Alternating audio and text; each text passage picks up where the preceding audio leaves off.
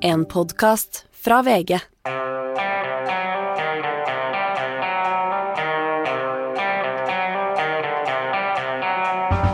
Ikke visste jeg at alle disse dagene som kom og gikk, de var selve uke 30. Her er uh, Gjever og gjengen igjen ute i det åpne og fri. Eh, velkommen til alle lyttere som ikke har eh, hørt oss på Podmy denne uka, men særlig velkommen til dere som har hørt oss hele tiden. Og velkommen til deg, Hanne Skartveit. Tusen takk. Ja. du, ja, uka som gikk, vi har snakket om eh, mye forskjellig. En ting som eh, ligger vårt hjerte nær begge to, og som vi eh, tenkte å ta et par ord om, det er han fyren her som nå er tilbake i Washington. Never forget, everything this corrupt establishment is doing to me is all about preserving their power and control over the American people. They want to damage you in any form, but they really want to damage me so I can no longer go back to work for you. And I don't think that's going to happen. Jepp, for den som ikke kjente ham igjen, så var det altså Donald Trump som var tilbake i Washington denne uka med en slags eh, en comeback-erklæring, eh, Hanne? Ja, og du sa som ligger vårt hjerte nær. Jeg vil ikke si at Donald Trump som person ligger i hvert fall mitt hjerte nær, ikke ditt heller, mistenker jeg. Men Nei. selve sakskomplekset er vi opptatt av. begge Så gjør det, må jeg bare si akkurat med denne podkasten vi starta i 2015, i begynnelsen så snakket vi veldig mye om mulla Krekar, for da var det alt det der bråket om at Fremskrittspartiet klarte ikke å bli kvitt mulla Krekar, og fikk ham ikke til Kyrksæterøra eller noe som helst. Og så da vi syntes vi hadde prata nok om Krekar, og begynte å få Krekar-fatigue, så lanserte Trump seg som eh, presidentkandidat, så da fylte han det tomrommet, og det tomrommet har han fylt siden. Absolutt. Og hvis han nå, hvis man kan lese ut av det vi nettopp hørte, at han vurderer, eller at han kommer til å stille igjen i 2024 Ja, hva skal vi si da, Anders? Ja, nei, da har, vi, da har vi i hvert fall vært gjennom denne greia en gang før, så da er vi litt klokere enn en, øh, øh, vi var uh, forrige gang. Uh, nå er det altså denne uka altså tydelig at Justisdepartementet i USA begynner å se nærmere på hans direkte eh,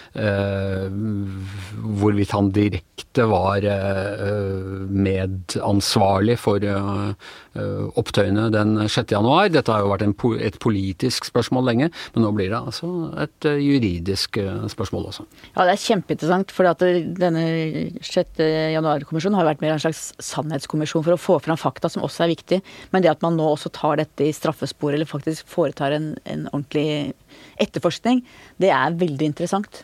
Vi er bitte lite grann uenige om dette. Ja, vi er faktisk det. Ja. Eh, Bitte lite grann, eller veldig? På mange måter øh, vil jeg, syns jeg at øh, den mannen fortjener å bli, bli holdt øh, ansvarlig for sine handlinger. På den annen side lurer jeg på om det er politisk uklokt å gjøre et martyre, styrke det martyriet. Men du hørte jo det, han høres jo ut som Jesus Kristus når han snakker om seg sjæl, at han det, det, det de gjør mot meg, det har de egentlig gjort mot dere, og, og sånne ting.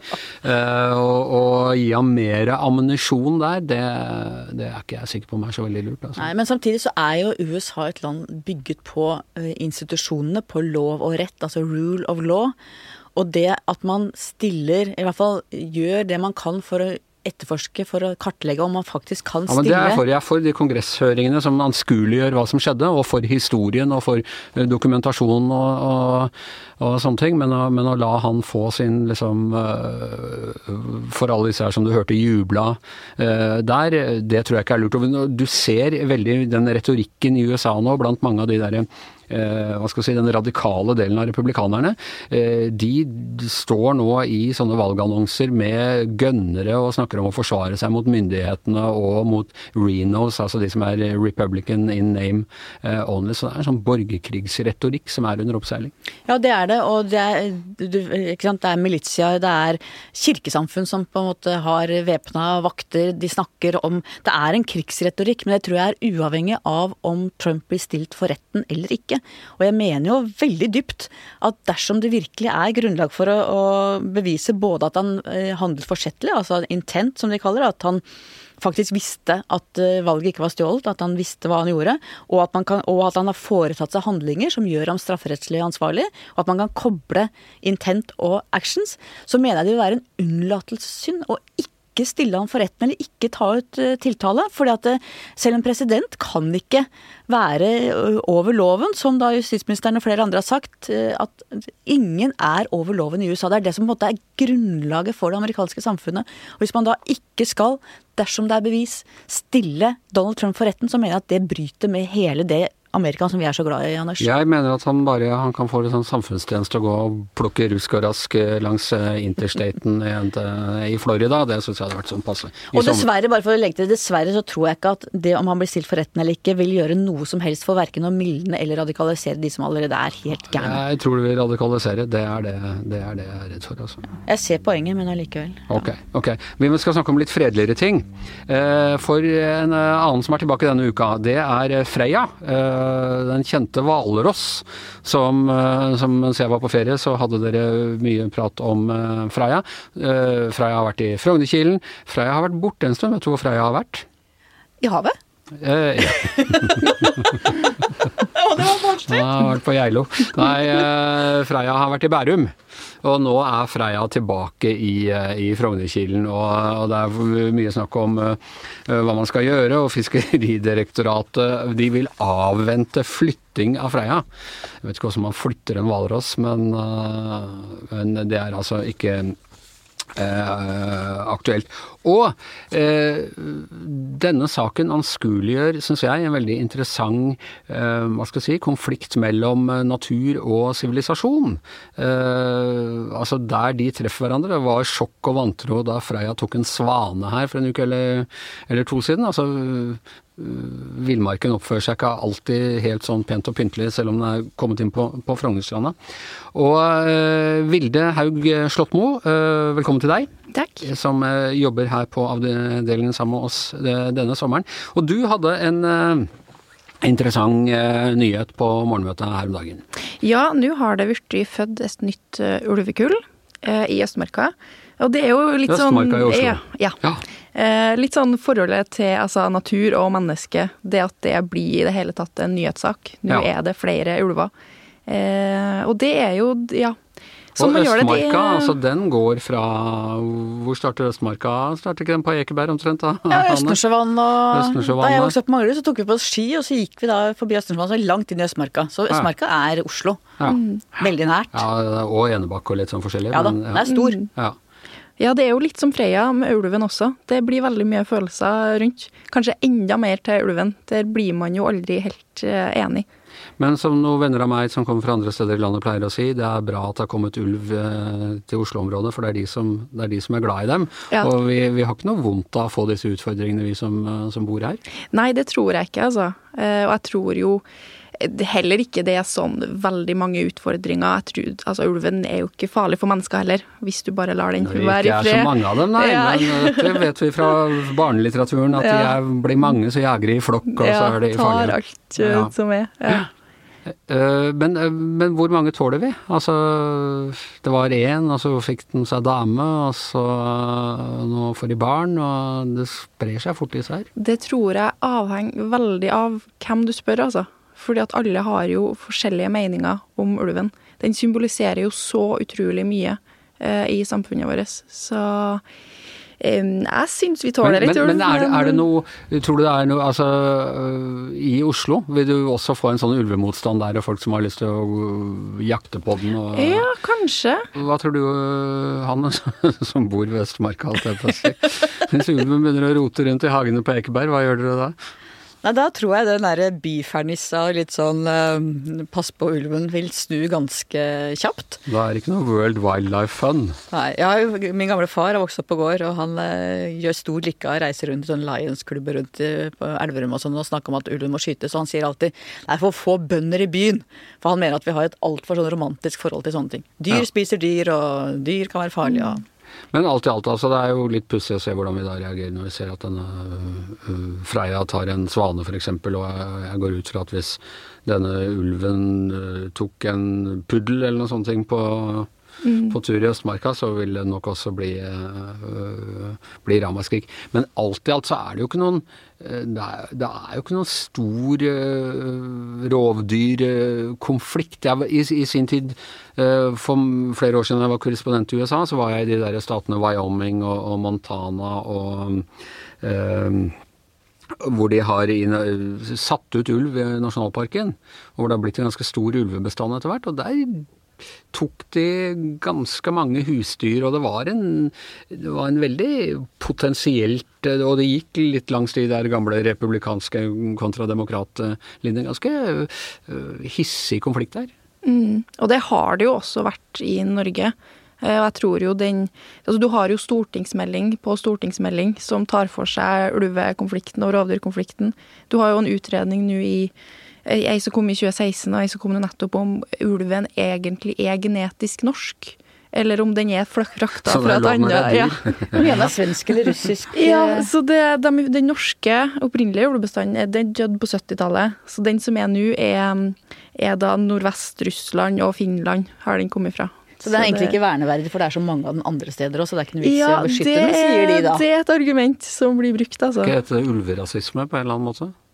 Ja, at man snakker om liksom ulveraser og sånn. Ja. Ja, man har innvandringsdebatt for ulv, faktisk. Men jeg tror nok, Anders, at hvis du går rundt, hvis du snakker med folk som bor i nærheten av Elverum f.eks., og som har et litt mer nyansert syn på ulv, så snakker ikke de om det i sosiale lag. Det er veldig betent i deler av landet hvor det er helt hvor folk blir uvenner og eh, Men Om ikke skilt, så i hvert fall er det veldig dypt. Det var en eh, fascinerende ehm, eh, dokumentar eh, på TV 2 for en god del år siden av eh, vår gamle venn eh, Asbjørn Øyhovden. eh, og som er, Hva het den for noe igjen? Ulve...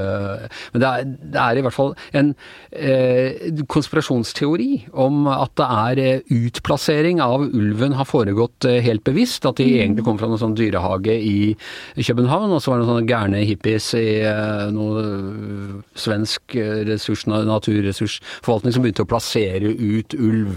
Og her sto det fram uh, folk, sindige norske trøndere, som fortalte om hvordan uh, Eh, hvordan de hadde sett om natten at det kom svenske trailere som åpna eh, lukene bak, og så løp det ut ulv og, og Det grenser inn på det irrasjonelle, en del av disse En del av denne ulvekonflikten. Ja, for det var jo også en plan man hadde i Sverige en stund, eh, og faktisk at noen ville altså, sette ut ulv for å gjenopprette den svenske bestanden. Ja, Men og som de har gjort i USA, blant annet. Ja, men så kom ulven dem i forkjøpet, og plutselig så var det noe finsk eller russisk ulv der. Men da har den, altså den myten der har levd videre, altså. Er vi sikre på at den kommer i Ja, forkjøpet? det, det er jo det. Nei, det, det er i hvert fall Det er um det er potensialet for mye konflikt, men jeg må si da igjen i USA, hvor de alltid har enda verre. I USA er det nå, eh, melding på NTB, haisommer på den amerikanske østkysten. Appen som viser haiaktivitet er sommerens må ha-tilbehør på USAs eh, østkyst. Haibestanden har økt, eh, og det samme har uønskede møter mellom mennesker og hai.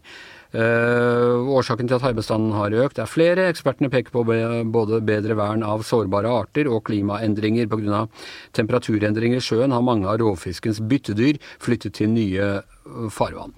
Eh, dette er jo en av uh, urskrekkene for oss som var eh, barn på 70-tallet, Hanne. Haisommer. Husker denne lille byen i Nantucket som ble utsatt for dette i Steven Spielbergs mest kjente film. Ja, og filmplakaten med bare den svære haikjeften. Jeg mener, når du leste den, så kjente jeg at jeg rent fysisk grøssa. Det er jo en veldig ubehagelig tanke. Vi skulle har- bade med hai uti der. Ja, det er jo haiarter i Norge òg, men det har vel aldri, aldri vært eh, angrep. Jeg husker nesten aller best da Haisommer 2 kom. Ja, det var vel broren til den forrige haien. Den var enda større, det var litt sånn Bukkene Bruse-system. men da, da reklamerte de med uh, 'Just when you thought it was safe to go back into the water'. Og det var en utrolig sånn effektiv den der, uh, følelsen. Fordi uh, den filmen klarte å skape haiangst helt opp i, i, i det kalde nord.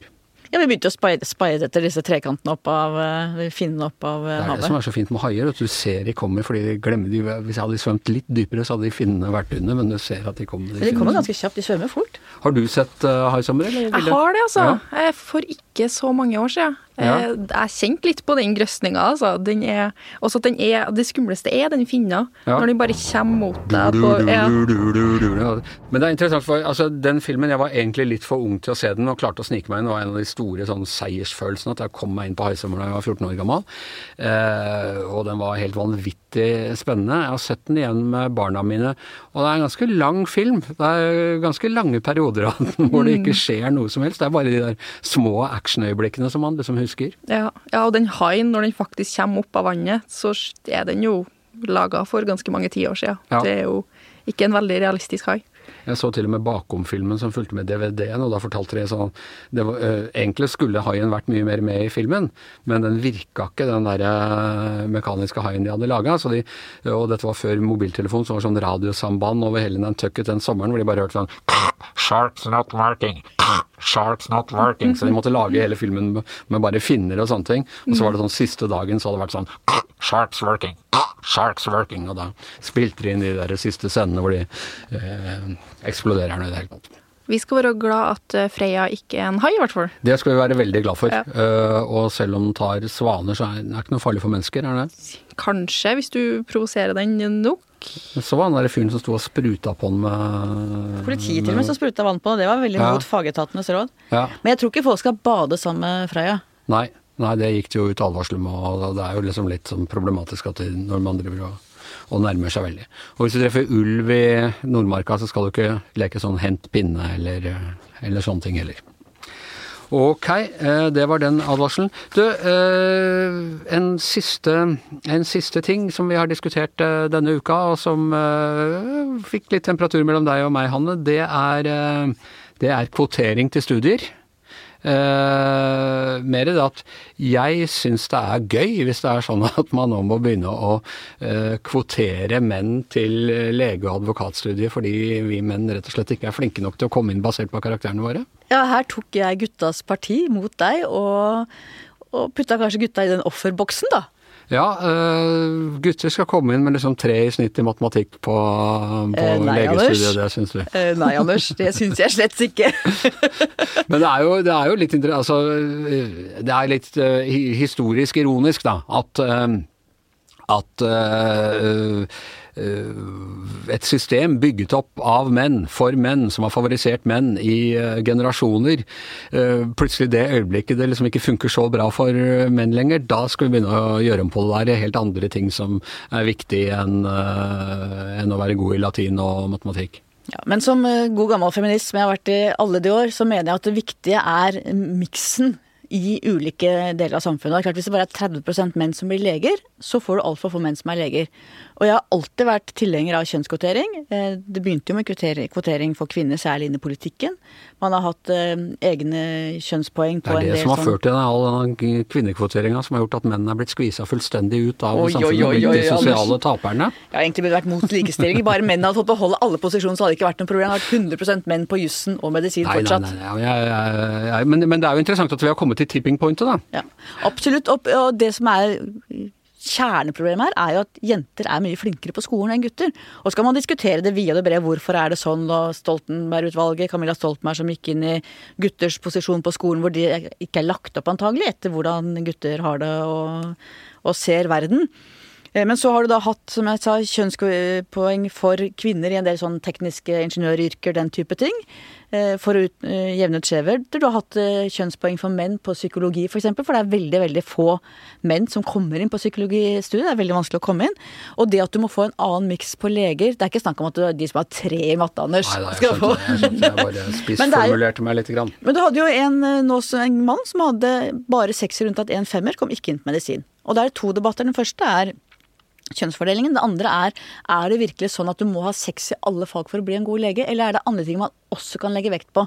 Det er litt det samme som journalistikk, som var, lenge var veldig vanskelig å komme inn på. Og jeg har alltid tenkt at det er ikke gitt at de beste altså, medisin er en, øh, det er en vitenskapelig disiplin, og med all respekt for mitt eget yrke, det er ikke noen vitenskapelig disiplin. Altså. Nei, men det er ikke sikkert du trenger seks i gym for å bli lege heller. Nei. Eh, Så det er noe med hvordan du rekrutterer til høyere utdanninger, da. Det er ikke gitt at de som har seks i alle fag eller fem i alle fag, blir de beste journalistene. Det er ofte litt mer sånn rølpa folk, kanskje, som kan bli eh, flinke journalister også. Så det er noe med miksen i dette. Og jeg syns nok at man bør eh, gi noen kjønnspoeng, eller, og i det hele tatt gå gjennom hele opptakssystemet for høyere utdanning. Du, Vilde, du har skrevet om, eh, om lærerutdanning og sånn. Hvordan ligger det, ligger det an der? Nei, det går jo Det er en tendens til at færre søker seg til lærerutdanninga. Nå gikk jo Færre generelt, eller færre menn, eller færre kvinner, eller? Færre generelt. Ja. Men nå gikk jo alle eh, Altså tallene for samla opptak gikk jo ned i år. Eh, det har jo vært rekordhøyt under pandemien. Eh, men nå er det tilbake til 2019-nivå. Eh, men likevel så ser man at altså dem som studiestedene greier ikke å fylle opp lærerplassene sine. Det var en liten økning i grunnskolelærer, men spesielt barnehagelærer så har det gått veldig ned, altså. Hva kan vi gjøre med det? Da er det jo ingen å kvotere engang, hvis ingen søker. Nei, det, det, det er det store spørsmålet. Hva skal man gjøre med det? For vi har jo hatt kampanjer, og nå har man også fjerna fireren. Kravet om fire i matte for å komme inn på lærerutdanningene. Eh, Så det spørs, altså. Mer lønn, da? Det, jeg tenker jo kanskje at det er en løsning, altså. For når det er en mastergrad, så konkurrerer man jo også mot andre mastergrader, potensielt. Eh, også litt det Altså hvordan lærere har det i skolen, og hvilke historier man forteller om skolehverdagen og jobben som lærer. Lærerorganisasjonen har vel ikke akkurat snakka opp yrket? De har jo ikke det, altså. Det er jo mye negativitet. Ja, du mener at de har klaga for mye over uh... Ja, det er litt, det er litt som uh, Slagsvold Vedum som snakker så mye om hvor fælt det er i distriktene, eller hvordan de er underprioritert. Det gjør ikke akkurat fristende for folk å flytte til bygda. Og når lærerorganisasjonene legger så mye vekt på hvor vanskelig det er for lærerne, så er ikke det Men akkurat alle noe yrkesgrupper tiltrekkende. klager og sånn. Det er helt forferdelig å være lege, og det er grusomt å være journalist. Vi har stått utafor her og streika over de forferdelige forholdene i Akersgata, som om, det var, som om vi var gruvearbeidere, barnegruvearbeidere på 1800-tallet i England, Hanne. Så det gjør, det gjør man jo. Men da var både du og jeg for det første veldig, veldig flaue, Anders. Og dessuten har vi aldri klaga over jobbene våre, syns jeg. Altså, vi, Ja, men, altså, men alle, jeg, jeg overdriver, men, men alle yrkesgrupper gjør jo det. Klager over eh, forholdene.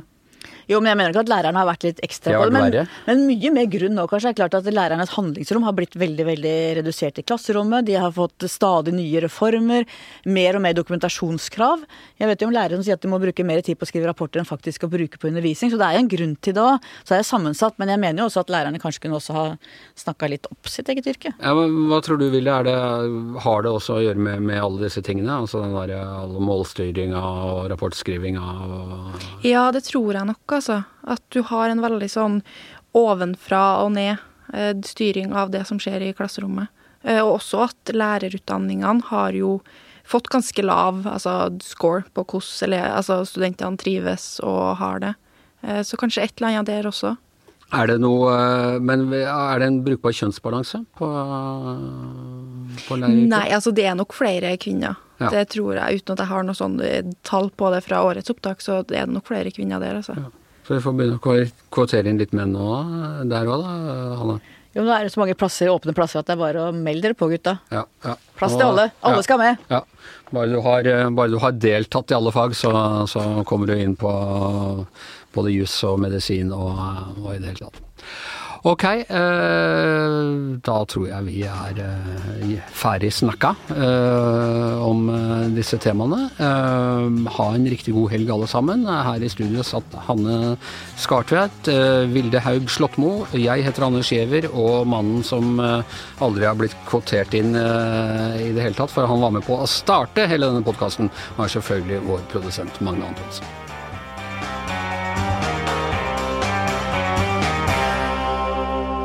Du har hørt en podkast fra VG. Ansvarlig redaktør, Gard Steiro.